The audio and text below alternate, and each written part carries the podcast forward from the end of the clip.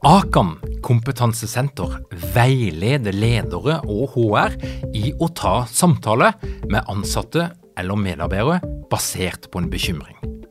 Akan setter ledere og medarbeidere i stand til å forebygge og håndtere en problematisk bruk av alkohol, narkotika, legemidler, spill eller doping blant ansatte. Ønsker du å lære mer om god forebygging og gjennomføring av samtale med en som du er bekymra for? Da kan du nå få tilgang på Akan sitt digitale samtalekurs til spesialpris, kun 760 kroner. Målet med kurset er å gjøre deg tryggere i det som kan være en krevende, men viktig samtale å ta i lederrollen. Du får tilgang til kurset med å gå til samtalekurs.no, samtalekurs.no, og bruke kampanjekoden LEDERPODDEN. Tilbudet gjelder ut april.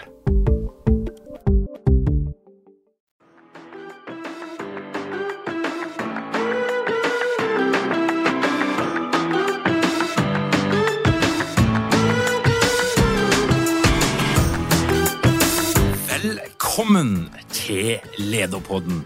Mitt navn er Tor Åge Eikerapen. Jeg jobber som organisasjonspsykolog med leder- og ledergruppeutvikling. Og Lederpodden det er podkasten der jeg prøver å finne ut hva er det som skal til for å lede og utvikle fantastiske organisasjoner der folk har det bra og gjør det bra. Hva er det som får deg til å gå den ekstra mila og legge inn det derre siste giret og prestere på et høyt nivå, ikke bare den ene uka, men over tid? Er det A. Ei gulrot i form av en liten sekk med penger som dingler langt der framme, eller er det B. Noe med jobben i seg sjøl? Som gir deg opplevelsen av mestring, autonomi og å være en del av noe som er større enn deg sjøl? Eller er det C, en kombinasjon av de her to? Det skal vi finne ut av i dag. Det er ingen hemmelighet at jeg i mange år har vært en misjonær for betydninga av den indre motivasjonen. Men i dag håper å ende opp med noen gode motforestillinger og flere nyanser, for her er det ikke bare ett svar. Ivar Bragelien er førsteamanuensis med Norges handelshøyskole. Han har tatt en posisjon som en av landets fremste formidlere av forskning som viser at ytre belønning, f.eks. For i form av penger eller aksjer eller opsjoner, kan gi en positiv effekt på motivasjon og produktivitet. Men først noen ord fra vår sponsor. Hei! Mitt navn er Cecilie Ystnes Myhre, og jeg jobber som ledertrener og mentaltrener. Og jeg skal få lov til å bidra på høstens program på lederprogrammet.no. Eh, jeg gleder meg masse. Jeg skal snakke om selvledelse. Vi skal snakke om verdier og betydningen av det å ha en sterk lederfilosofi som kan guide deg i medgang og motgang. Så har du lyst til å være med, meld deg på på lederprogrammet.no. Velkommen til Lederpodden, Ivor. Tusen takk for det. Og jeg har jo advart deg om at jeg skal spørre deg, som alle andre, hva er din faglige pasjon? Hva er det som driver deg i din forskning og ditt arbeid? Ja, først og fremst er jeg på en handelshøyskole, og det vil si at uh, eksistensberettigelsen vår er vel studentene våre. Uh, så det å lære bort er jo det som er min pasjon i utgangspunktet, og som jeg Eh, gjorde at jeg også ble ved Norges handelshøyskole etter at jeg tok en doktorgrad. Jeg jobbet tidligere i et internasjonalt konsulentfirma og hadde vel egentlig tenkt meg også å gå tilbake til næringslivet, men eh, jeg trives så godt med det å, å, å, formidle og kommunisere og diskutere. Og ikke minst så holder man seg jo litt yngre også, da, når man uh, snakker ikke bare med gamlinger rundt seg, holdt jeg på å si, men også får inn alt fra 20-åringer og til faktisk 50-åringer, som jeg har som studenter også, i såkalte executive MBA-program, altså Eh, masterstudier som er på deltid over to år. Som eh, jeg også kan annonsere for her, for øvrig. Snikreklame er veldig Det oppmuntrer meg til. Men, men, eh, dette her motivasjonsbegrepet, altså det er jo litt sånn det er jo noe litt ullent med det, og det er jo en diskusjon i hvilken grad kan en leder i det hele tatt påvirke motivasjon. Men, men når du snakker om motivasjon, hva, hva, hva, er det for deg? Hva legger du i det? Ja, nei, altså, Det er litt interessant. Jeg tok faktisk en liten sånn eh, eh, eh sø, Et lite søk på internett i går eh, på, på, akkurat ordet motivasjon, siden jeg skjønte at det skulle være i sentrum i dag. Og, og, og Jeg trengte ikke lese så langt, for Den store norske leksikon har faktisk en definisjon som passer veldig godt med hvordan jeg selv tenker på det med motivasjon. Eh, og Store norske leksikon, hva sier de? Jo, de sier at motivasjon det er en samlebetegnelse, altså veldig mye som inngår, eh, for de faktorene som setter i gang og styrer atferden til mennesker og dyr. Eh, nå skal vi vel fokusere på mennesker akkurat i dag. Og så sier de videre at det er to komponenter av dette med motivasjon. Ehm, det ene komponentet kaller vi for energikomponentet, ehm, som er det som setter oss i gang, og som ehm, bestemmer hvilket innsatsnivå, altså hvor hardt vi jobber, eller hvor fort vi løper, for å si det sånn, og hvor lenge vi holder ut. Og så har vi den andre dimensjonen, som de kaller for retning, eh, og som sier noe om da hva vi bruker tiden vår på, hvilke, altså, hvilke, valg vi gjør i det daglige, og hvilke mål vi da jobber etter, setter oss og jobber etter. Og Hvis jeg oversetter dette her til en mer sånn organisasjonskontekst, som er den konteksten jeg jobber jo med økonomisk styring, og er, også, er da veldig opptatt av hvordan vi kan påvirke mennesker i organisasjonen til å og, og, og, sørge for at verdiskapingen for hele organisasjonen blir stor, så handler dette her om å få ja, det handler om å få folk til å jobbe hardere, men det er antagelig faktisk en relativt liten del av det i forhold til verdiskaping. Det handler like mye om å få folk til å gjøre, jobbe, bruke tiden sin på det som er verdiskapende, jeg kaller det å jobbe smartere, eh, og å ta eh, valg som også bidrar til verdiskapingen. Samtidig så er det faktisk en ting til som vi eh, økonomer er opptatt av, og som altså, organisasjoner er opptatt av når det gjelder dette med motivasjon. Det er at vi faktisk må motivere eh, eh folk til å søke på jobb hos oss også. Og, og, faktisk bli hos oss når de først jobber hos oss. Så eh, Motivasjon handler ikke bare om hva du gjør i det daglige, men det handler også om at du er en attraktiv arbeidsplass for dine medarbeidere. Og her, jeg føler jo at Det er liksom to parallelle verden her. for det, det, er en verden som lever på, på LinkedIn og TED Talks og, og, en del bøker som du kjøper på flyplasser. og Der, der forkynnes det et budskap om at det er den indre motivasjonen som gjelder. Det er purpose. Det, er, det handler ikke om penger, det handler ikke om belønning. Den andre virkeligheten det er jo den virkelige virkeligheten, der altså 50% av arbeidstakere i norske private virksomheter de har en eller annen form for bonusbelønning, et eller annet insentiv, ei gulrot. Og Hvis vi da kikker til, til USA, eh, så ser vi jo da at eh, Tangen og gjengen i oljefondet de er jo nå hissige på å begrense amerikanske lederlønninger. Men det er jo helt klart at det, det, det, altså virk, i virkeligheten så praktiseres det jo en tanke som bygger på at eh, mennesket er ytre motivert. Altså, Vi har en antakelse om at gir du mer penger til folk, så vil de gjøre en bedre jobb at det er en korrelasjon. Men fortell litt, Iver. Hva, hvis vi skal liksom prøve å, å lage et enkelt bilde, hva er denne diskursen mellom da den indre motivasjonsgreia på den ene sida, med Desi Orion og, og, og, gjengen, og den ytre uh, motivasjonen som altså sier noe om at du kan styre atferd med hjelp av belønning. Først understreker jeg at Det er riktig at 50 av ansatte i større virksomheter i privat eh, sektor sånn at det ikke, eh, Hvis du tar med alle, så er det rundt 30% som får en bonus hvert eneste år. og Akkurat hvor mange som er omfattet av en bonusordning da, det vet vi jo ikke helt nøyaktig, det er SSB-tall, men eh, det kan være rundt 40% eller i nærheten der. Men det er i hvert fall veldig mange, det kan vi være enige om, både i Norge, USA og andre land som har en eller annen form for pengebelønning knyttet til det å jobbe. Eh, og det å, altså, da tror jeg vi først må liksom ta det helt fundamentale. Eh, for at En del av motivasjonsteorien når man snakker motivasjon, er jo ikke knyttet til arbeidslivet, men knyttet til andre typer aktiviteter. Men i arbeidslivet så er det nå engang sånn at vi selger arbeidskraften vår, vår for penger. Altså det, er det, vi, altså det, er, det, er veldig få av oss som har muligheten til å jobbe gratis for en arbeidsgiver. Vi trenger faktisk penger til mat på bordet og osv., og, og staten kan ikke på en måte gi oss lønn uh, uten at vi gjør noe. Så uh, det ligger i bunn en transaksjon uh, mellom oss som arbeidstakere og arbeidsgivere at vi skal få penger for den jobben vi gjør.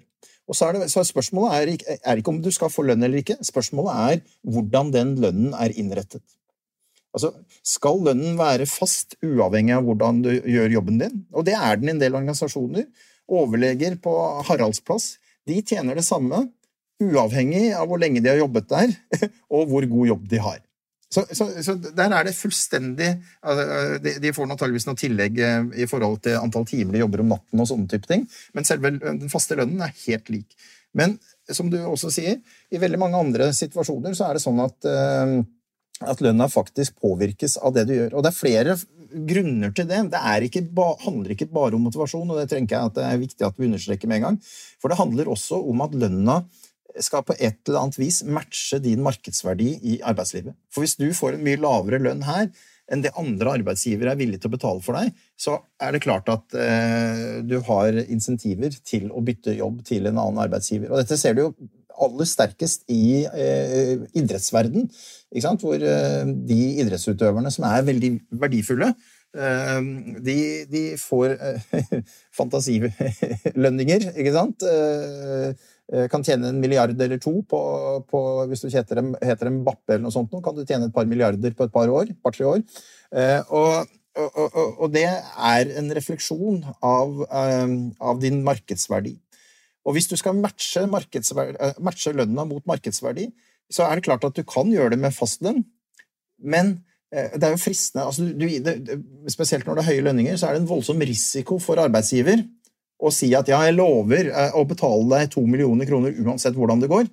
Det er naturligvis fristende og risikoreduserende å si ja, jeg tror på deg, jeg har tillit til deg, men eh, hva om vi sier at ok, du får en fast lønn på la oss si 600 000 kroner, men så kan du faktisk få 1,5 millioner kroner i lønn totalt sett hvis du gjør en fantastisk jobb, som selgere i Skipsted-gruppen kan få.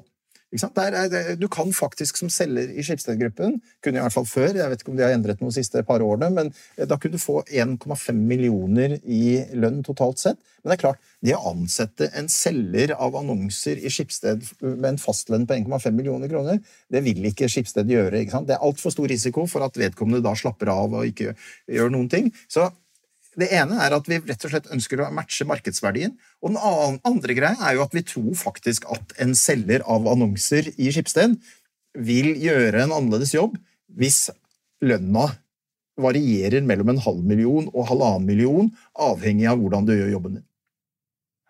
Og salg er jo ofte da en, en sånn typisk eksempel på unntaket, der kanskje den indre motivasjonen ikke er like betydningsfull. Altså, eh, eh, det er jo en relativt stor enighet om at når det gjelder salg, eh, og du skal selge noe som er relativt lite kompleks, og der din personlige innsats er viktig, ja, så vil det virke prestasjonsfremmende hvis du får en ekstra belønning hver gang du får et salg. Stemmer, stemmer det?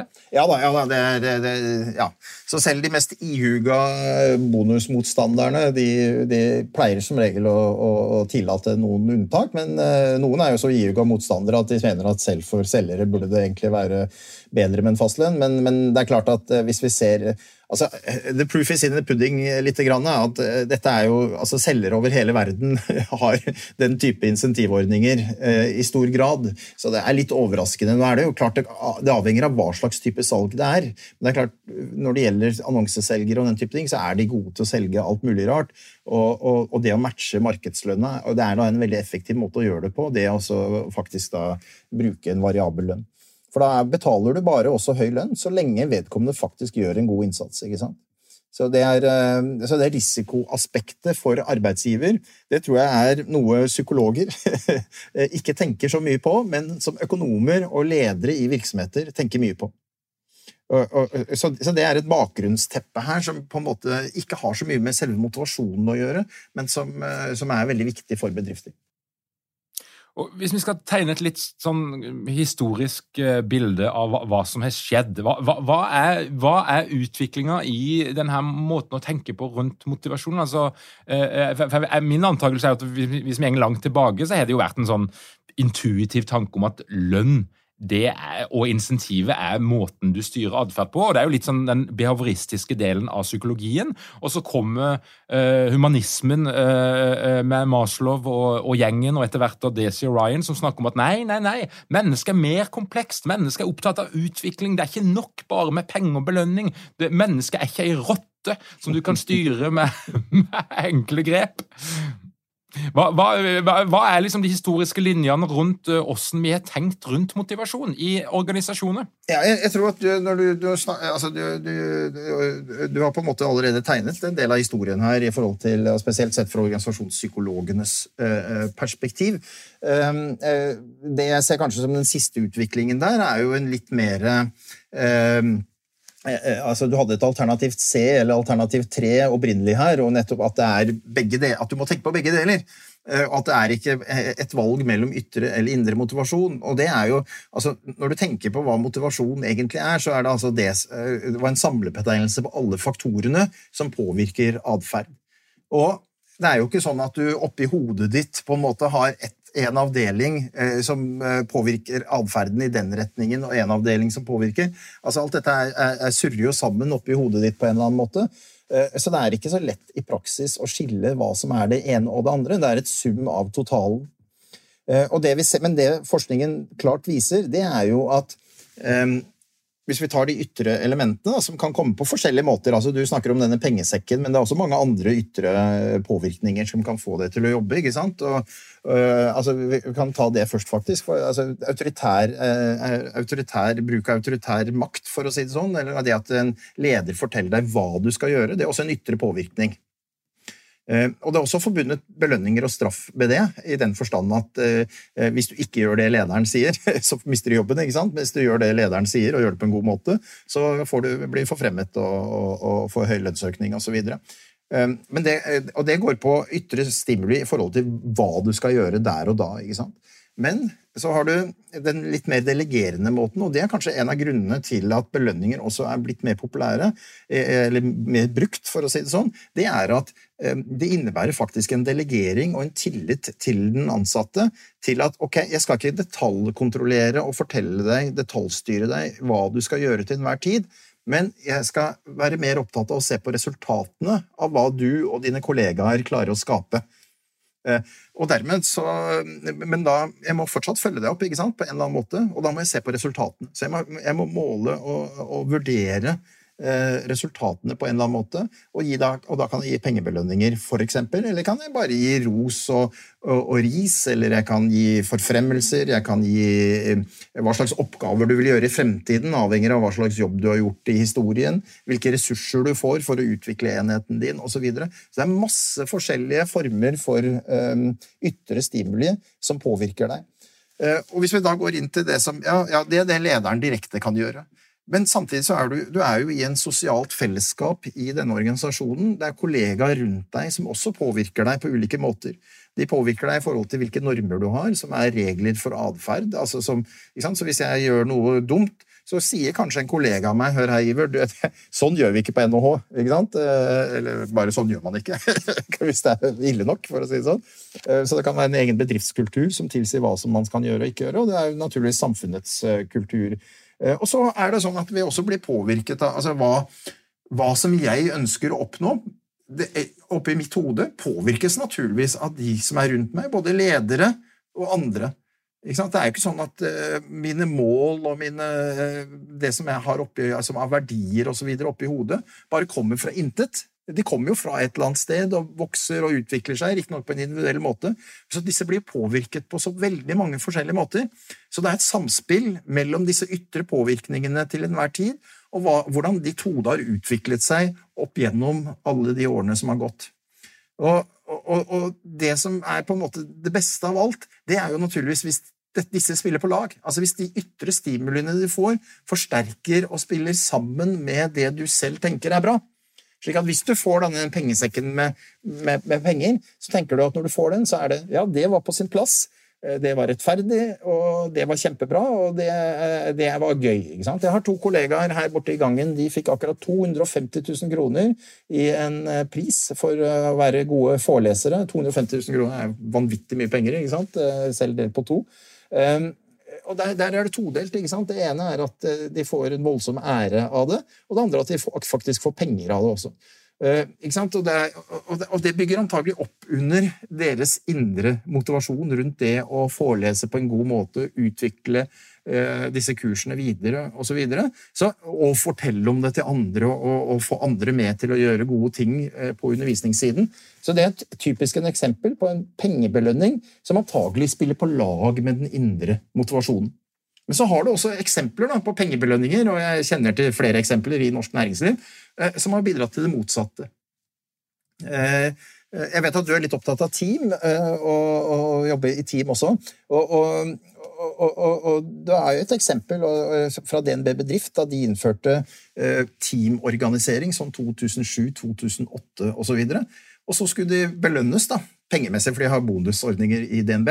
Eh, og så plutselig viste det seg at på, på et team Jeg hadde da en student som jobbet på et av disse teamene, og som skulle skrive masteroppgave. Da, så han skrev om, om dette systemet. Og da, da, var det sju eh, mennesker på dette teamet, og så var det tre av de som fikk bonus bare. Fordi ledelsen lenger oppe de hadde sagt at vi må spisse bonusordningen, bare noen få skal få. Banksjefen, sjefen for de syv, ville gi til alle. Det fikk han ikke lov til. Han måtte bare gi til tre. Og da endte det med det oppvaskmøtet inne på hans glasskontor. da, ikke sant? Fire stykker står der og, og, og, hytter med neven. Og så sitter det tre stykker utenpå og henger med hodet. Hun ene sitter faktisk og gråter. Eh, fordi Selv om hun fikk bonus, så sitter hun og gråter fordi hun føler at uh, uh, de andre på en måte oppfatter henne som en smiske, smiskete et eller annet, ikke sant? Og, at det ikke var fortjent. Eller, altså, det, så det ødela både for de som fikk bonus, og de som ikke fikk bonus. Og skapte masse brudulje. Så det er et eksempel på at når ytre stimuli ikke passer med det de ansatte oppfatter å være rettferdig og en god måte å gjøre det på, så får du masse eh, negativitet rundt det. og Det hadde naturligvis vært bedre å ikke ha gitt denne bonusen i det hele tatt i det tilfellet der. Så, så, så det er en generell eh, greie at, at, bonusordninger, eller ytre belønninger, de kan gi både positive og negative effekter. Og generelt så sier jeg at alt vi gjør av styring, har både positive og negative effekter. Altså Uansett hva slags inngripen du gjør i en organisasjon, så har det positive og negative effekter. Eh, problemet er bare at du kan ikke la være å gjøre noe i en organisasjon. For en organisasjon består av mange mennesker, og de menneskene må jobbe sammen for at den organisasjonen skal ha livets rett og skape mer verdier enn om disse menneskene hadde vært bare egne private eh, eh enkeltmannsforetak. Eh, så organisasjoner må styres på en eller annen måte, det vil alltid ha positive og negative effekter. Spørsmålet er bare om det du gjør, har flere plusser bak seg enn minuser, slik at nettoeffekten da er positiv til slutt. Og Vi må fortsette litt i det sporet. der, for det er jo, Hvis vi da skal gå til den leiren som, som er litt fundamentalister på den indre motivasjonen, så vil jo de si at bonuset fremmer uetisk atferd. Eh, du vil få den typen eh, medarbeideratferd som blir belønna, men du vil ikke få den her kreative måten å tenke på som kan gå langt utfor boksen. De ville vel òg si noe om at eh, det å drive med individuelle bonusordninger det skaper en kultur der folk i spisse albuer fremfor en fellesskapsfølelse, og her er vi ett lag som skal stå sammen. Hva, hva tenker du om de argumentene? Nei, for det første så er det gode poenger å ta med seg, så at man skal være oppmerksom på den type effekter. Eh, og Det er viktig også å understreke at jeg sier ikke at alle bedrifter skal innføre bonus for alle sine medarbeidere uansett. Altså, det er aldri sagt. Eh, men det vi ser, er at eh, de kan ha positive effekter, men de har også negative effekter. Og et grunnleggende stort problem med belønningsordninger er jo måleproblemene, det kaller vi det eh, når jeg underviser. Måleproblemer. Det er, så, det er ikke så lett å måle hva verdiskapingen faktisk blir på lang sikt av det du gjør. For det er jo det vi egentlig ønsker. ikke sant? Vi ønsker å vite ja, Torgeir, du gjør ting i dag, men hvordan, hvordan påvirker det egentlig virksomhetens totale verdiskaping når vi ser det du gjør, sammen med det alle de andre gjør i virksomheten?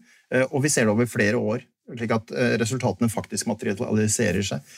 Så det, gjør jo at hvis du, hvis du er veldig sånn snever i den måten å måle verdiskaping på, kun opptatt av å telle, f.eks., kontra også å vurdere skjønnsmessig om jobben faktisk har vært godt utført, så, så, risikerer du å komme i den type eh, problem som du er, eh, snakker om, og det er masse litteratur som liksom eh, viser at det kan skje. Eh, og det skjer også. ikke sant? Altså, det er klart at Du klarer aldri å lage perfekte styringssystemer. Da hadde vi ikke hatt denne type diskusjon som vi har i dag, og som vi har hatt i, i, i, i årevis, og i og for seg i hundrevis av år, egentlig, ikke sant? i forhold til hvordan man skal styre organisasjoner. Eh, så, men det er jo det samme problemet om du skal eh, vurdere hvem som skal forfremmes. Eh, hvem som skal få lønnsøkninger. For de aller fleste, altså de, er, de fleste i samfunnet nå er jo sånn at du får individuell lønnsøkning. Du får lokale tillegg osv. som påvirkes av hva du selv gjør. Så du må foreta den type vurderinger av de ansatte uansett i karriereutviklingen osv. Så, det er jo ikke det at, at du kan på en måte skjerme deg for å vurdere de ansatte. Det må du gjøre uansett. Det, eh, men hvordan du gjør det, er naturligvis avgjørende for hvordan dette virker i praksis. Da. Så du, du, kan tenke deg at du, du, du, måler på en måte som er veldig ødeleggende for en organisasjon. Og så kan du måle på en måte som Ja, det kan nok hende at det får noen bieffekter som du ikke egentlig ønsker deg, men helhetlig sett så virker det tross alt mer positivt enn negativt. Og Toppleder er jo interessant, altså, for dette her er noe det skrives mye om. Det skrives om toppledere som får utbetalt bonus selv når resultatet er, eh, er helt tydelig og klart elendig eh, sammenlignet med de forventningene som var der. Hva, hva, er, liksom, hva er logikk logikken, hvis vi skal ta norsk næringsliv og isolere det litt til det, hva er logikken når det gjelder norsk næringsliv, bruk av bonus og andre former for insentiver? Eh, eh, for det kan jo se ut som det av og til lever sitt helt eget liv, og at det handler mer om den enkeltes evne til å forhandle og deale. Altså at det er, det er, det er lite sammenheng. Ja, nå er det nok, eh, Veldig mange organisasjoner har nok eh, prinsipper for lederlønn også, som eh, er ganske Og, og har formler for hvordan dette, dette eh, beregnes. Og, og, ofte så er det jo da en, en, relativitet i dette. altså det vil si at De ser ikke bare på hvordan denne bedriften gjør det som sådan, men de ser på hvordan de gjør det i forhold til konkurrentene. Så da kan du ha en situasjon hvor eh, det går dårlig med din virksomhet, ja, men det går enda dårligere med konkurrentene innenfor samme bransje. Og da har du på en måte Ja, ok, det gått, det er markedets feil at det går så dårlig, men du som leder og din organisasjon har bidratt til en bra virksomhet. Så det kan være en forklaring. En annen forklaring kan være at uh, når dette av og til oppleves å leve sitt eget liv, så kan det være et forsøk på å eh, å bruke denne bonusordningen til å gi et totalt lønnsnivå som de mener er passe for denne lederen. Altså at, er, at, at, er, at, de skjeler mer til markedsverdien for lederen enn til eh, på en måte prestasjonen i det enkelte år. Og det må jo da tilsi at dette er en leder som de ønsker veldig sterkt at skal fortsette fremover også. Eh, og, de ønsker å beholde, ikke sant? og da må de beholde, betale vedkommende eh, nok til at vedkommende syns det er attraktivt å være i din organisasjon og ikke et annet sted. Så, um, så, så det er noe, Spesielt på leder, eh, toppledernivå så er de fleste toppledere Det er så mye ære forbundet og, og, og med å på en måte utvikle en organisasjon og gjøre det bra.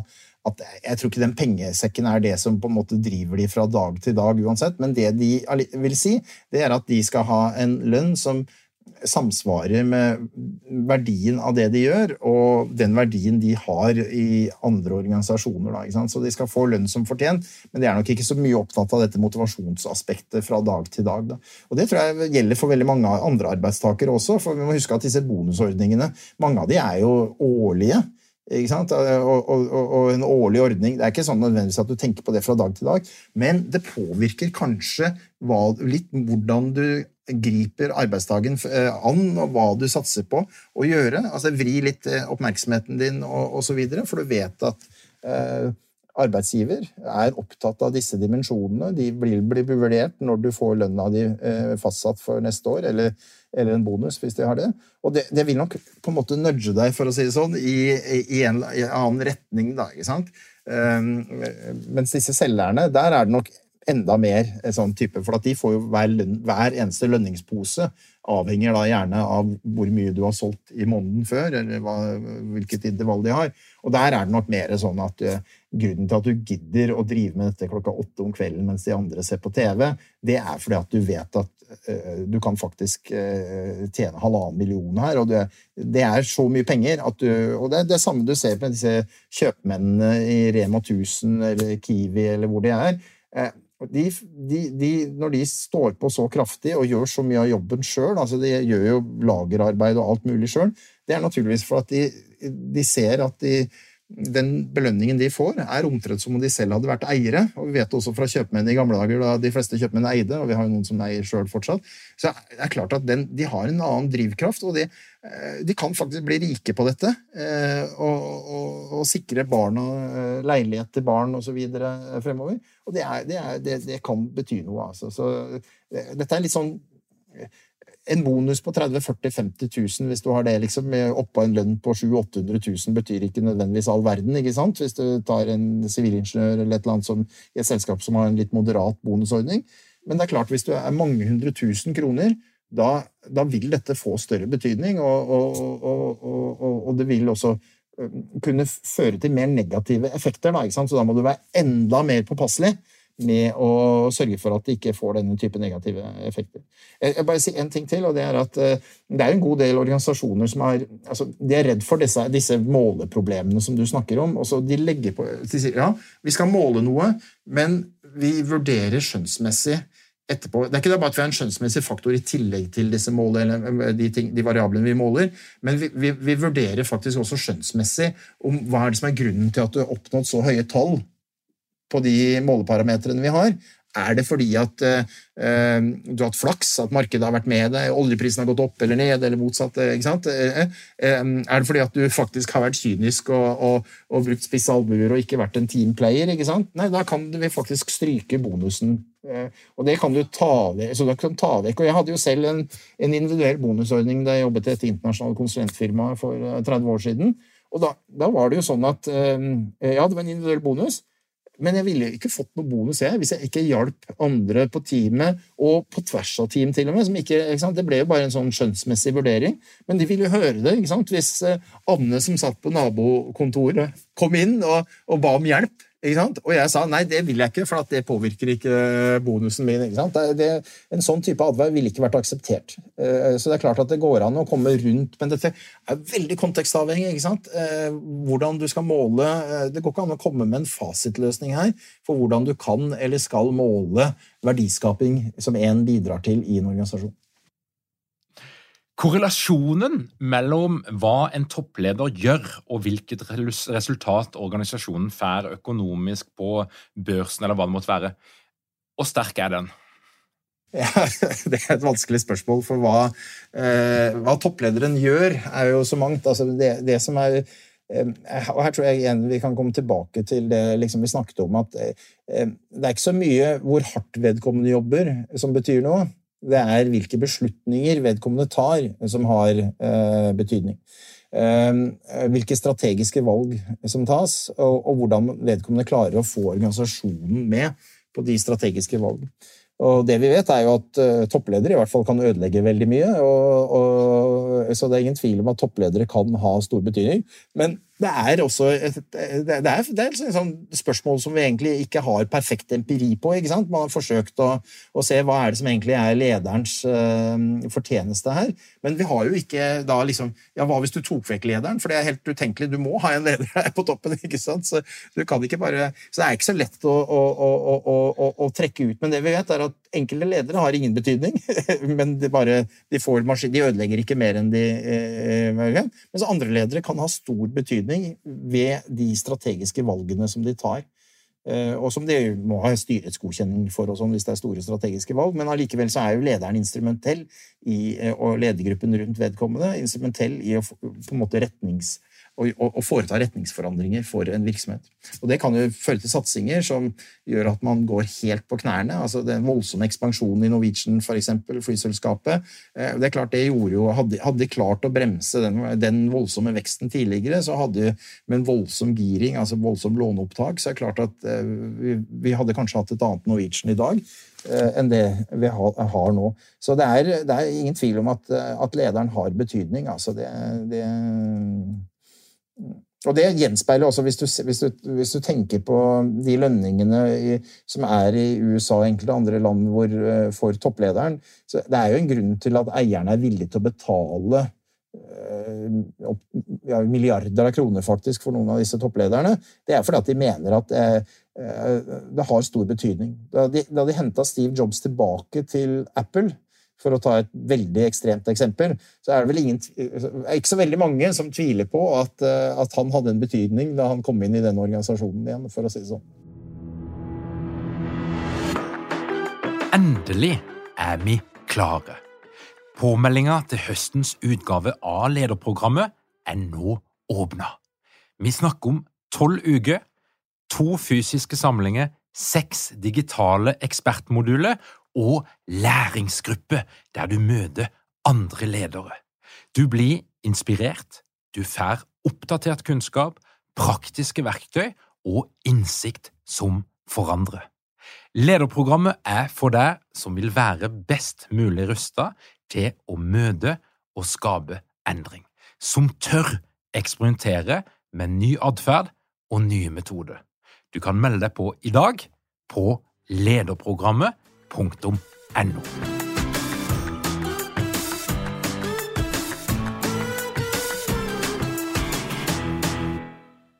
Ja, og så jeg tenker jo at Vi elsker jo de her historiene òg, da. Altså, Vi dyrker jo og vi lager de her narrativene om helten som kom inn og redder selskapet. Altså, Sataya eh, Nadella i Microsoft er jo en sånn type helt, der, der du ofte ser bildet av Sataya, og så ser du børskursen, eh, utviklinga historisk på Microsoft, og det er bare rett opp. Og, og, og årsaken, ja, det er Sataya, som er opptatt av growth, mindset og coaching og hva det måtte være. Og kanskje er det sant og kanskje er det et mer komplekst eh, bakteppe bak dette her? Ja, nå hadde vi faktisk, eh, det, Akkurat når det gjelder Microsoft, så var det jo en artikkel i Vanity Fair for en del år tilbake, eh, som også ble referert til i Dagens Næringsliv. Jeg var Grinde. Jeg hadde Har dere mange ledere uten trening eller utdannelse innen ledelse? Mangler dere en felles kultur og praksis for ledelse? Ønsker du å være bedre rusta for fremtidig vekst og endring? Da kan et internt lederutviklingsprogram være en god investering. I Execu så er vi eksperter på å designe og gjennomføre bedriftsinterne lederutviklingsprogram. Hvis du ønsker å lære mer om hvordan vi kan hjelpe dykken til å få enda bedre ledere, ta og klikk deg inn på execu.no.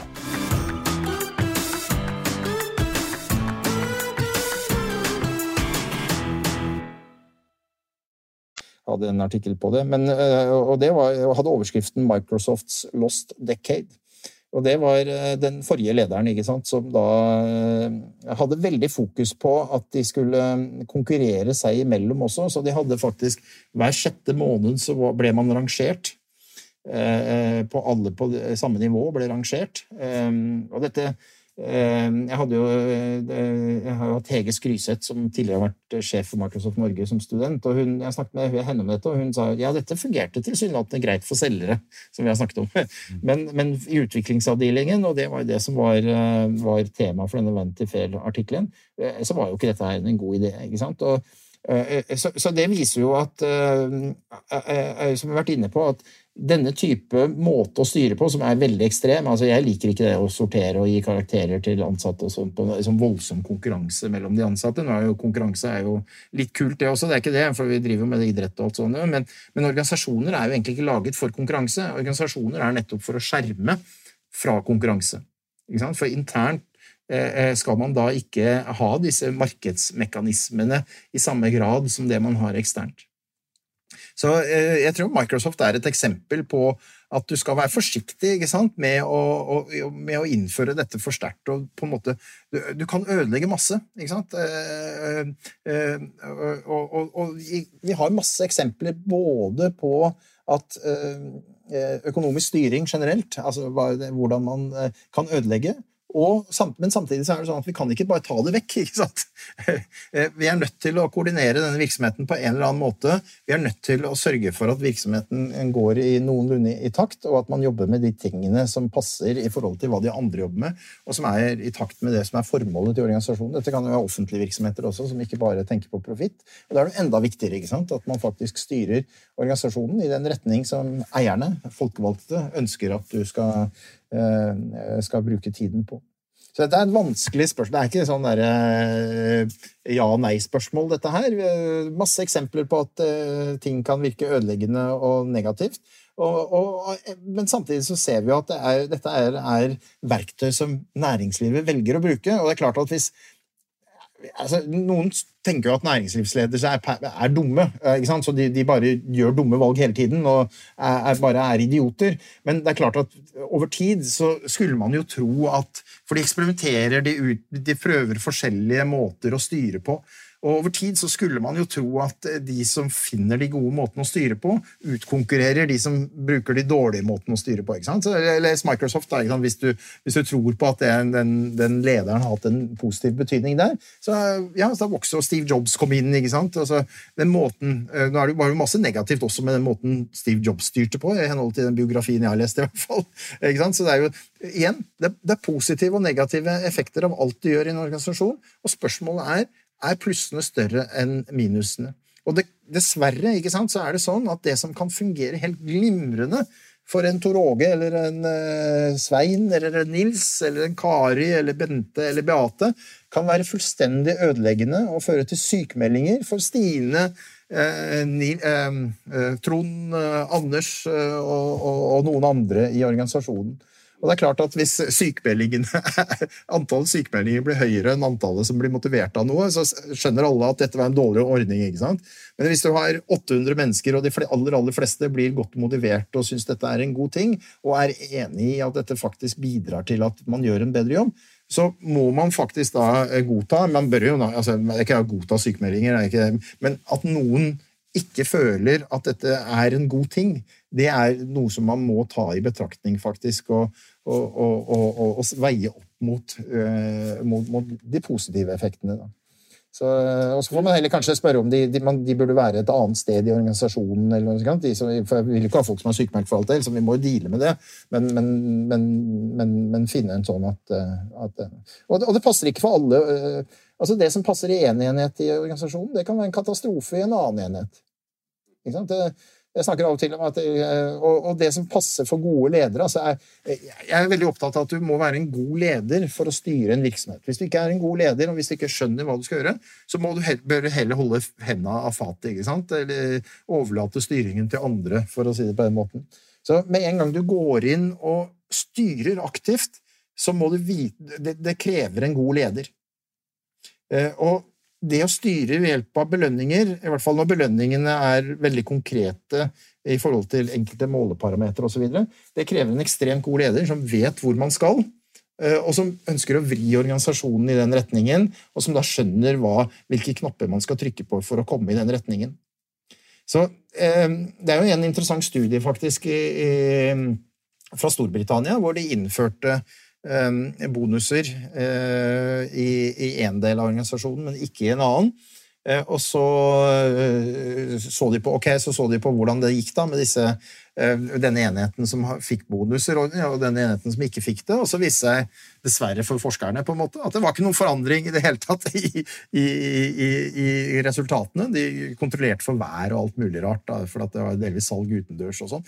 Så det, det masse typer sånne greier. Og så, ja, dette var jo litt deprimerende, ikke sant? for det var jo ingen effekt. Men så gikk de inn og så, så på den, den organisasjonen som hadde bonus, og så fant de der at Eh, ja, det var faktisk sånn at de enhetene som hadde erfarne ledere, de gjorde det bedre enn før, mens de som hadde uerfarne ledere, gjorde det dårligere enn før. Så du ga et kraftfullt styringsverktøy til uerfarne ledere, så var det som et masseødeleggelsesvåpen. Men hvis du ga et sterkt styringsverktøy til gode ledere, erfarne, gode ledere, så var det et effektivt styringsverktøy. Dette her høres komplekst ut, og det høres, jeg hører jo at det her finnes ingen fasit. Eh, du må prøve deg fram. Og så høres det ut som din antakelse om norsk næringsliv det er at de er relativt fornuftige i sin bruk av de her virkemidlene. Altså at, at hvis, de, hvis, de, gjorde ting som var helt idiotisk, som, som ikke funka, ja, så ville resultatet vise seg ganske fort, og de ville slutte med det, hvis jeg skjønner det riktig. Ja, og det har vi jo sett også, at bedrifter, de, noen bedrifter slutter eh, Altså de tar vekk ordningene, eller de justerer de osv. Og, så og jeg har selv vært inne i, i, i flere bedrifter hvor, og, og, vi har snakket om det, og de har spurt ja, men er det ikke, altså Nå lurer vi jo rett og slett på om vi skal ta det vekk. Sparebanken Midt-Norge for eksempel, hadde en sånn samtale med i sin tid. De prøvde ulike ordninger. Der har du en liten problem med at banker skal være veldig forsiktige med, og altså det er regulert av lovmyndighetene, at de, er, de, skal ikke belønne direkte hvis du selger eh, spareprodukter og sånn, for å unngå rovsalg. da. Eh, og, og, og, de fant på en måte ikke noen god måte sammen med de tillitsvalgte og så videre, å lage gode ordninger på. Og Da ble de enige om bare fjerne det totalt. og Jeg har hatt studenter som har vært inne og studert det i ettertid, og det har virket helt, eh, helt greit å ta det vekk. ikke sant? Og så er det andre, et forsikringsselskap der man har tatt det vekk i privat, ikke fordi det virka, ikke virka der, for det virka nok egentlig ganske godt i forhold til de ansatte. Jeg intervjua selv 70 medarbeidere i denne virksomheten eh, og spurte de alle sammen hvis du eide dette, denne virksomheten, ville du beholdt bonusen eller ville du ordningen som sådan? For mange av de var kritiske til den, men så spurte jeg ville du beholdt den. Altså, med andre ord var plussene større enn eh, minusene, og da svarte absolutt alle ja. Selv de som hadde snakka om at de nærmest ble sjuke av det, sa egentlig at, eh, at, ordningen, sett fra et eiersperspektiv, var en god ordning. Men de valgte allikevel å ta den vekk, i hvert fall en periode, fordi de ønsker strategisk å flytte kundene over på mer selvbetjening. Og de er redd for at dette er at du får bonus for å selge forsikringer og den type ting, kan stoppe deg fra å få kundene over på selvbetjente løsninger. Så det var rett og slett strategisk valg. Men i bedriftsmarkedet der beholdt de bonusordningen sin. ikke sant? Så der, der, var vurderingen en helt annen. Og det ble opp til den enkelte enhet i, der. ikke sant? De kunne velge hvilken løsning de selv ville. Det som passet for den ene, passet ikke nødvendigvis for den andre. Uh, og så har jo jeg, altså jeg har sett mange tabber, jeg. Vi har snakket om DNB Bedrift, eksempel, som åpenbart var en bonustabbe, som jeg kaller det. Eh, og jeg skrev en artikkel jeg tror det var tilbake i 2005 eh, som jeg kalte 'Ti bonustabber', eh, som nettopp var en, et forsøk på å lære av, altså formidle feil som er gjort, ikke sant? og at vi kan lære av det. Eh, men det er klart bedrifter som har hatt bonusordninger som de har skrudd litt på, og sånn, hatt i 15 år Vil de hatt dette her i 15 år hvis de, hvis de positive effektene var øh, svakere enn de negative? Det overrasker meg litt. ikke sant? På tvers av nye ledere kommer inn og byttes ut. Og, altså det, det, virker veldig rart at ledere skal være så dumme og ikke se sitt eget beste. Det, jeg ser for meg en veldig sta toppleder, litt blind for tilbakemeldinger og et arbeidsmarked der folk har få alternativer. Eh, der kan det kanskje være at du henger fast på en destruktiv ordning litt for lenge. Ja, altså, faktisk, altså jeg, jeg, tror du har rett i det. Hvis vi kan gå inn i et spesielt marked, så er det altså, finans, finans innen finans i, i, deler av finans, det er ikke hele DNB, men eh, de, de som er i markeds... Eh, der, der, kan det hende faktisk at det har blitt det vi økonomer kaller en likevekt. Da, hvor man har fått disse voldsomme bonusordningene, og det er veldig vanskelig å komme seg over i en annen likevekt. Da, for hvis bare én aktør gjør det, så er det ja, De andre har så voldsomme de, de, Det er nesten umulig. Og så har du samtidig risikoaspektet ved det, at du kan ikke gi den type lønninger som fastlønn for at du er så sensitiv for altså, Og det å love bort eh, fire-fem millioner eller enda mer i årslønn til noen, um, og så kommer ikke resultatene i flere år deretter, det er uh, veldig vanskelig for en organisasjon. Så, så, der er det så jeg tror ikke, Hvis du går til finans, og jeg har snakka med kollegaer uh, i finans som er rent, renspikka finans, for eksempel, og de, de mener jo at dette, disse ordningene i i, eh, i, i finans, de er, de er iallfall ikke motivert av at uh, du skal ha den insentiveffekten til å gjøre en bedre jobb der og da. De er, mer, uh, de, er, de, er, begrunnet i dette her med å klare å tiltrekke seg og beholde ansatte. Og så kan vi diskutere da, om dette er en, om markedet på en måte har havnet i feil likevekt eller ikke. faktisk da, det, det, er, umulig å på en måte eh, komme med en fasit på, men det er, i hvert fall et spørsmål som er reist. da eh, akkurat i det området der. Så du, du, kan ha rett i det. Altså, altså det er sånn I alle typer deler av samfunnet så er det sånn at øh, noen gjør dumme ting, øh, mens andre og, og, og, og, gjør dumme ting over tid. men, men, til slutt så er jo markedet sånn da, at man blir straffa hvis man gjør nok dumme ting. Og da, da, så det er jo en utvikling her. og Vi har jo sett at det egentlig har vært ganske stabilt. altså Hvis vi ser på eh, Statistisk sentralbyrå har jo Eh, tall fra, for dette med bonusordninger. og, og Riktignok eh, ikke sånn detalj hvordan de er utformet, og sånn, men, men, det med ha variabel avlønning eh, det økte jo veldig på 90-tallet og fram til 2005. eller noe sånt nå. Og Siden 2005 og fram til i dag så har det vært egentlig ganske stabilt. da. Litt opp når det er gode tider, litt ned når det er dårlige tider. Og, så, og De siste tallene jeg så igjen, var at det, det, det, gikk opp igjen. ikke sant?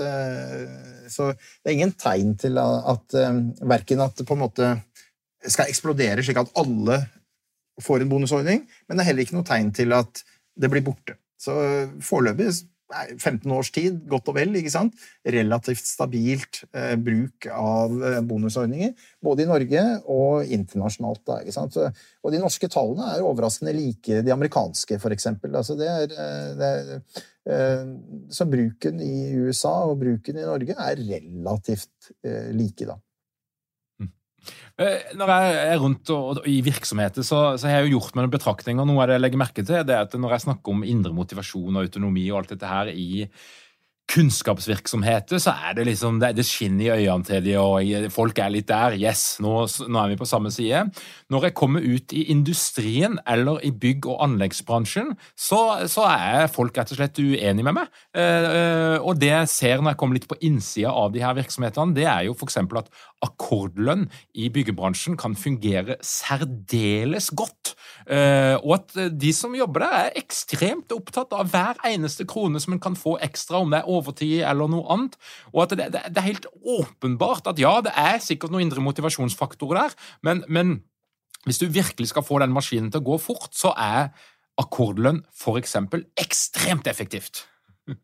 Er, er, det noen sånn bransjeforskjeller? Altså Offentlig sektor, der er det jo begrensa hvor mye du kan gjøre. Jeg vet det finnes noen sånn sykefraværsstimuli som, som, kanskje ligner litt på noen form for, for bonus, men, men, men, ser du noen sånn type skille altså, i, i, hva slags type virksomhet det er snakk om? Ja, det er ingen tvil om det. det er, og Spesielt hva slags type aktiviteter vi snakker om. Da, Så du har jo innad i F.eks. i dagligvare da, så er det blitt veldig vanlig at du har bonusordning for uh, for eh, lagermedarbeidere.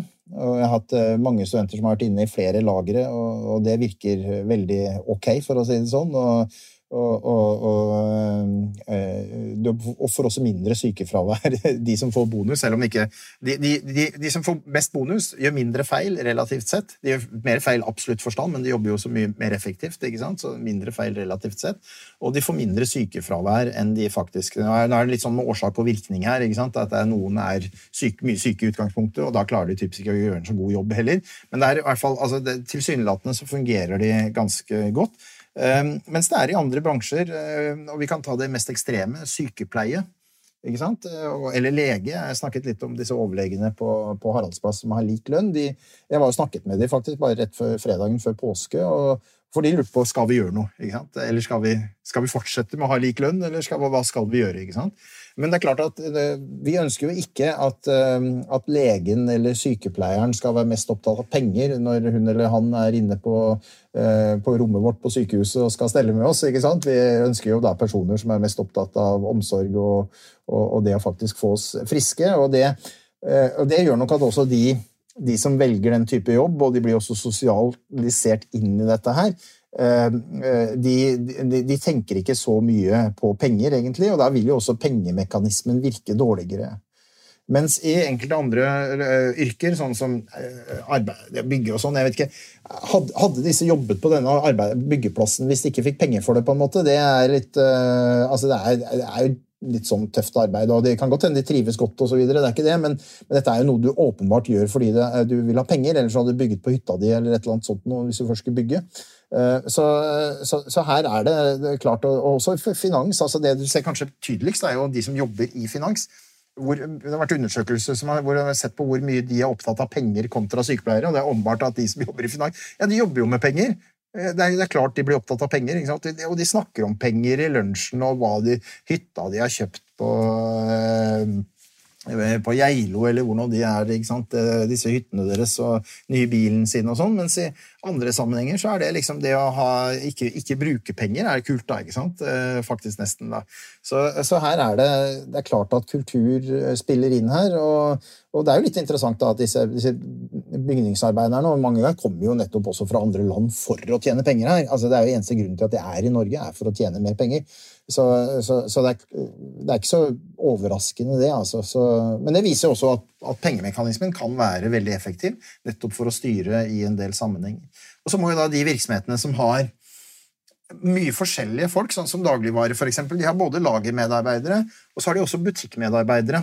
Og disse butikkmedarbeiderne de er litt vanskeligere å styre med, med den type lønninger, for de er ofte deltid, og det er ikke så lett å måle individuelle innsatsen. Du, du driver og rydder litt og ordner litt og sitter litt i kassa og sånn. ikke sant? Og, ja, du, du, kan jo selvsagt gjøre en god og en dårlig jobb i kassa også, men det er jo tross alt litt sånn avhengig av uh, antall varer som kommer på det båndet du driver på og, og, og sånn. Så uh, ikke så lett å måle, og der, så der har de ofte fastlønn. ikke sant? Disse, så butikkmedarbeiderne har gjerne fastlønn, mens lagermedarbeiderne har typisk bonuslønn. Og butikksjefene de har jo kraftig bonuslønn, ikke sant. Så, så, så, så man må rett og slett eh, differensiere litt. Grann, da. Så er det noen, da, sånn som DNB, de velger å si at eh, og Rune Bjerke var veldig opptatt av dette da han var sjef. det var at ok, Vi har 50% av våre ansatte de har en individuell ordning eller en teamordning. Men vi kan ikke ha det sånn at uh, de andre da ikke får noe når det går veldig bra med DNB. Så de har en kollektivordning som favner alle. Ehm, eh, også rengjøringspersonale og de som sitter på, ved sentralbordet, eller eh, hvor det nå er en i, på backoffice på ulike funksjoner. Og så har det noen som da Slik at hvis det går bra, så føler i hvert fall alle at de får noe. Uh, og, og, noen har jo da, jo, gikk jo det der helt ekstremt. Det var jo Skagenfondene. Der fikk jo sekretærene, eller sentralborddamen, fikk én million kroner i bonus og sånt noe i sin tid. ikke sant? For alle skulle få en million uansett hvor de jobbet. Uh, det går jo naturligvis ikke i de fleste virksomheter. Uh, heller ikke i Skagenfondene lenger, tror jeg. men, men, men, men, ideen om at alle skal få noe, at ikke bare lederne skal få noe, det tror jeg er ganske viktig for at Vi må huske at det som lederne får, det kan påvirke motivasjonen ikke bare til lederne, men også til de under. Så Jeg har jo blitt intervjua av journalister i Skipsted, faktisk, hvor det var en, de hadde noen nedbemanningsprosesser på gang. og Da spør jo journalisten meg ja, er, er, altså, hva tenker du sant, om at uh, lederen vår hun får høyere bonus jo flere hun klarer å si opp. Og Det er klart at det er ikke veldig Eh, musikalsk, eh, i mine ører i hvert fall. Eh, for det er klart at er, hun, hun, må jo da, da, definerer hun seg ut av båten de sitter i.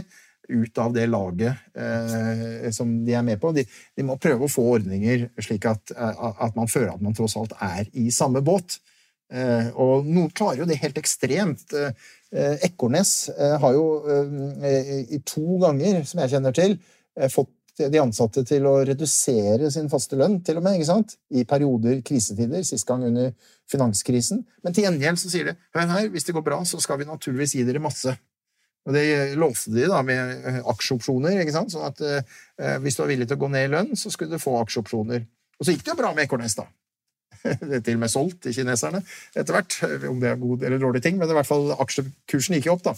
Eh, så, eh, så Eh, der tror jeg at den type, noen organisasjoner, sånn som Ekornes, har klart på et eller annet vis å få de ansatte til å føle at de er i samme båt som eierne og lederne. Så jeg tror nok også de klarte det i Norwegian faktisk en periode. ikke sant? Da, hadde jo, da var jo eh, Sjefen var jo eier, så han tok jo ikke ut noe lønn, nesten. Det var jo litt sånn rart. ikke sant? Men, men veldig fokus på at liksom, vi er i samme båt. Og det, det, tror jeg nok er en viktig oppgave for lederne, uavhengig av hvordan de belønner. Så igjen så kommer vi egentlig tilbake til det at ja, hvis du skal bruke belønninger som virkemiddel i form av penger, så bør du egentlig være enda mer opptatt av å drive annen menneskeorientert god ledelse i tillegg. Eh, og det er faktisk også studier som viser det, at de som gjør mye av det ene, de gjør mye av det andre.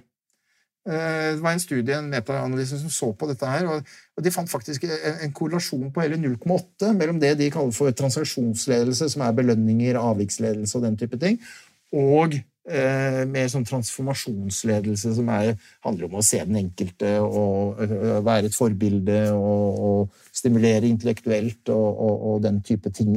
Så, så det betyr at de gjør begge deler. Altså, det er ikke et valg mellom det ene eller det andre nødvendigvis.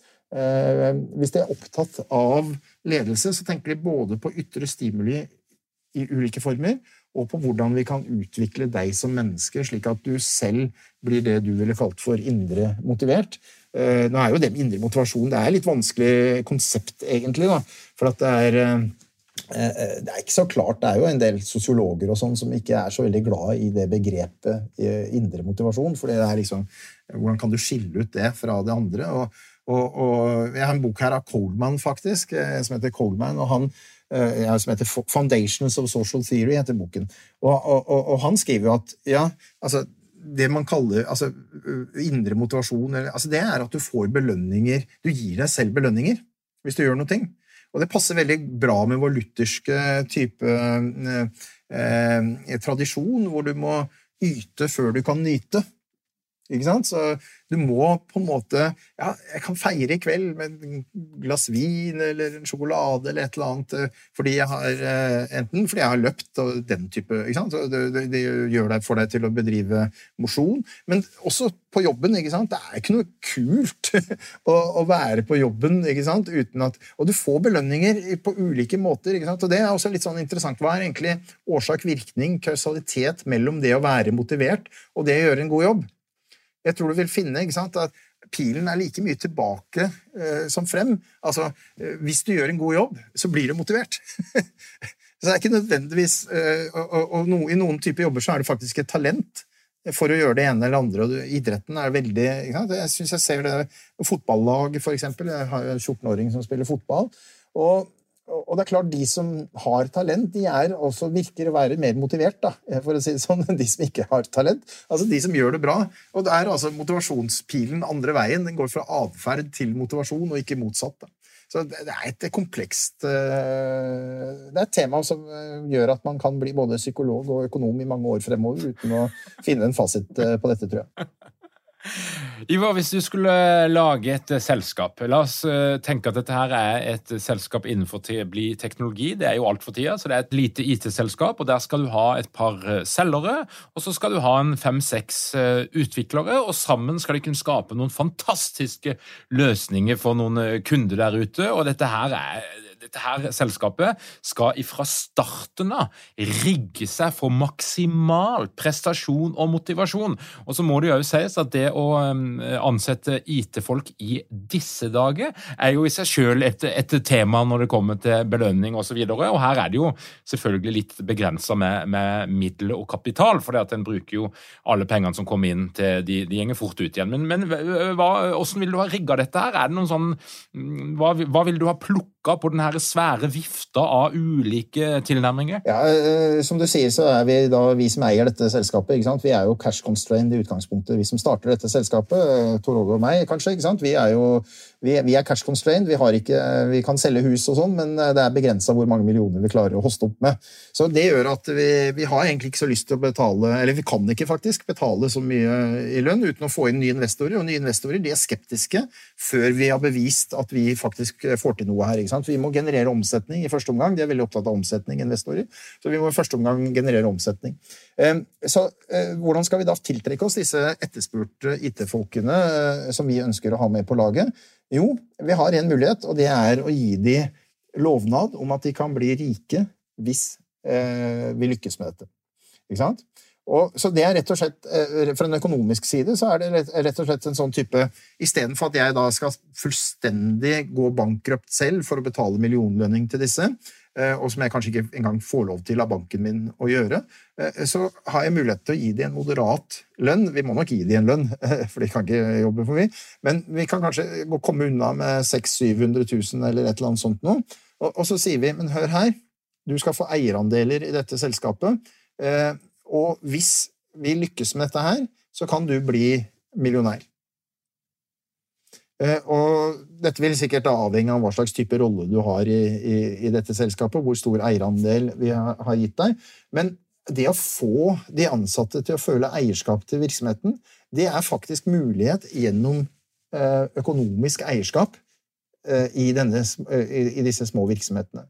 Så eh, eh, jeg tror nok at det er Dette kan du naturligvis få til med bonusordninger osv. Problemet med bonusordninger for denne type er for det første at de må gå over så mange år, for det tar ganske mange år før vi, vi blir velkjent. For det andre så er det sånn en bonusordning er en lovnad som på en måte styret alltid kan kansellere.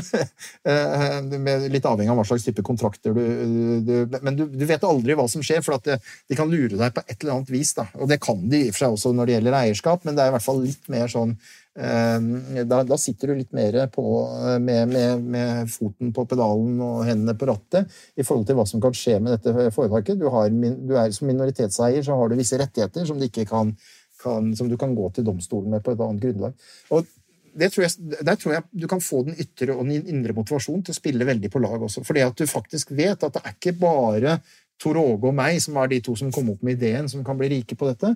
Nei, når vi får med Astrid, Stine, Nils og Petrine, så ser de at hør her, dette er noe vi faktisk kan skape sammen. Så det, denne måten å gi eierskap på til lederne og nøkkelpersonell, det er noe som ble populært på 70-tallet. Før det så hadde vi noen sånne voldsomme konglomerater i, i USA som eh, hvor lederne ikke syntes å være opptatt av aksjonærenes interesser i det hele tatt. ikke sant? Så, så, det var noe hele bakgrunnen, og det tror jeg på en måte er ekstremt eh, Har et ekstremt potensial i disse små virksomhetene. og Derfor ser du jo også at dette er en dominerende form for belønningsordning i disse, eh, disse mindre virksomhetene, som, som, er det vi kaller for cash constrained også, som gjør at de, det er litt begrensa hva de kan betale ut. men går det bra, så kan du bli rik. Da. Og, det er, øh, og det er jo faktisk en del da, sant, som har blitt rike. Også de som og Dette gjelder jo egentlig også litt større virksomheter. Vi har en Trond Moen for eksempel, som tok, en, tok over en ja, det er ikke en stor virksomhet, kanskje da vi vil kalle det, men tok i hvert fall over en betydelig størrelse eh, virksomhet. Um, og han fikk jo da med seg noen nøkkelpersoner som har jobbet sammen med han i veldig mange år. Uh, og de sitter jo på formuer på mange hundre millioner kroner i dag, disse medarbeiderne, som har fått disse formuene ved å være ansatt hos Trond Moen. Så han var, og, og Røkke gjør jo det samme ikke sant, med sine ledere. At, ja, og, og, det er egentlig samme prinsippet som vi ser i dagligvaren med disse butikksjefene. At Riktignok litt mer moderat, sagt, men ok, får du 2,5 millioner kroner årlig i 15 år, så begynner jo det å bli penger av det også. Så det er, dette her er drivkrefter som faktisk kan og, og som også da gjør at du føler at du jobber sammen. ikke sant? Eh, når du er i denne lille teknologibedriften vår, så er det ikke sånn at de bare jobber for oss. De jobber for seg også. Og dette vil jo utvikle seg, og, det vil kanskje gjøre at de også er mer åpne og mer kritiske. Når du, Tor Åge, er i ferd med å ta en feil beslutning, ikke sant? så slipper ikke unna med det. Det vil du kanskje slippe unna med hvis ikke de hadde noe eierskap i virksomheten. Men de vil da gå på deg og være kritisk, og, og, og du får den motstanden du trenger for å justere deg og ta en bedre beslutning. ikke sant? Som, uh, for det er jo noe vi vet, ikke sant, at uh, det å ha bare ja-folk rundt seg, det er ikke en god ting i en beslutningsprosess. Da. Det var, var ikke Kennedy som prøvde det i Grisebukta. Og Da har vi IT-folkene på plass. De, de, er med. Eh, så er det de her selgerne. Der er det et litt annet marked eh, eh, med, med noen litt andre regler. Det vi er interessert i som eiere, det er jo at de skal få opp et volum på dette her salget, og det skal de få kjapt. Dette her er nydelige produkter, det er helt fantastisk, men det er ingen som vet om det. Så vi må ut i verden og få solgt dette her. Vi må få closa deals. Hvordan skal vi lønne de her selgerne for at de eh, har det tempoet og den innsatsen som vi ønsker? Ja, Det er nok litt avhengig av hva slags type produkter du selger her. Eh, er, de er ikke så komplekse? Nei, det er litt sånn med volumprodukter, ikke sant. Og da, da, er det nok ja. og de, og de, er nok, disse selgerne er litt utålmodige. ikke sant? De er ikke som, som disse teknologifolkene som har lyst til å utvikle noe og skape noe over tid. Eh, så de er nok så utålmodige. Og her er det jo faktisk også sånn at for hver kro... Altså, hvis, gjør, hvis en selger gjør en god jobb, så kommer det faktisk cash inn i kassa med en gang. Hvis, en teknologisk en, en, ingeniør utvikler noe som kan være Så er det ikke sikkert vi får pengene før om fem-seks år. ikke millioner år, men fem-seks år. og, og, og, det gjør jo at eh, vi, vi, har faktisk også i økonomisk forstand en mulighet til å betale disse. Eh, for, da, for hver krone de får inn, så kan de få la oss si 20 øre, da, eller 10 øre, avhengig av hva slags type eh, størrelsesorden vi snakker om her. Ehm, og, og, og det, eh, det, kan nok få dem til å, å, jobbe på en helt annen måte. Altså, det har vi sett med selgere. At det, er noen av de som da de bare går beina av seg, for å si det sånn. Og, de, og det er klart det også være en, en selger kan også være litt ubehagelig type arbeid. Altså, det er litt sånn derre du har den historien fra disse støvsugerselgerne hvor de stikker eh, liksom beinet inn i, i dørsprekken når du, når du, åpner døra og sånn. Det er klart å gå over grensen, men, men, men, du må jo være litt pågående, ikke sant? Eh, og, og, og, det er litt ubehagelig. Det har noe med mennesketype, hvem som passer til det, men det er også sånn at du, du må drives til å gjøre det hele tiden. Det er klart det er hyggeligere å sitte på en kafé, og vi har heller ikke samme kontrollen med disse menneskene. For de er ute der og selger. Så vi ser ikke hva de gjør. Disse teknologene som sitter der inne, de har vi faktisk også egentlig bedre kontroll på. ikke sant? For de vi, kan vi gå og snakke med hele tiden. Men en selger som drar til Tyskland, eller noe sånt, han kan jo påstå at han, eh, med mindre vi GPS-trackeren, som jeg ikke vil anbefale, for å si det sånn, så, så vil vi jo ikke vite hva vedkommende bruker tiden sin på. Og selv om vi GPS-trackeren, så hvis han sitter på en kafé, så kan det være fordi at han forbereder et kundemøte, eller det kan være fordi at han leser vg.no. ikke sant? Så det er, eh, det er helt umulig egentlig å vise, vite hvor hardt vedkommende jobber, og hvor effektiv vedkommende er. Det eneste vi kan virkelig observere, det er antall salg. Så det har noe med også hvilke kontrollmuligheter man har.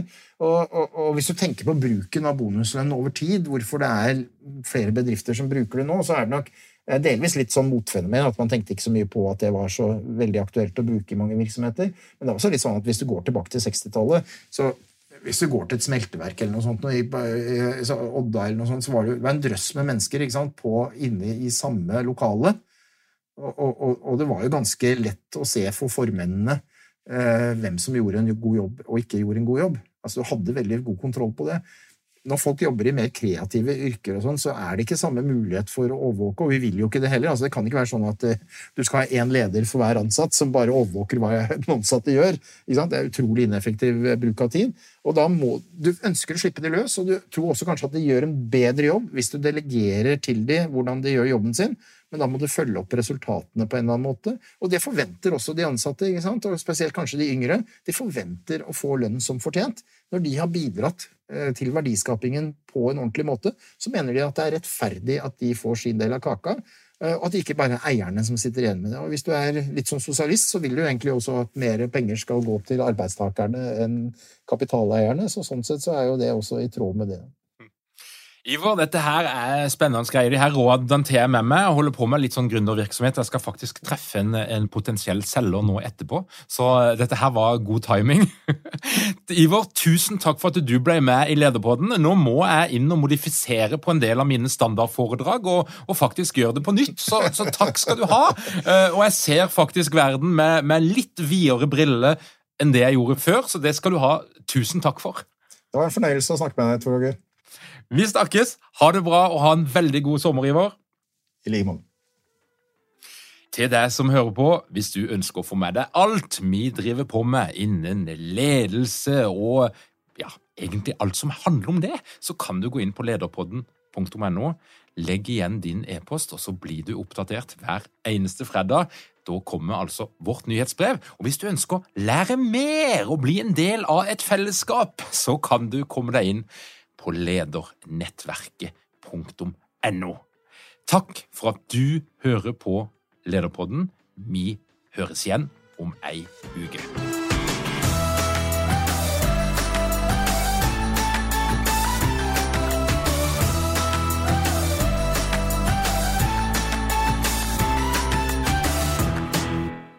Lederpodden er gitt til deg av Execu. Vi tilbyr leder- og ledergruppeutvikling som gir effekt. Les mer på execu.no.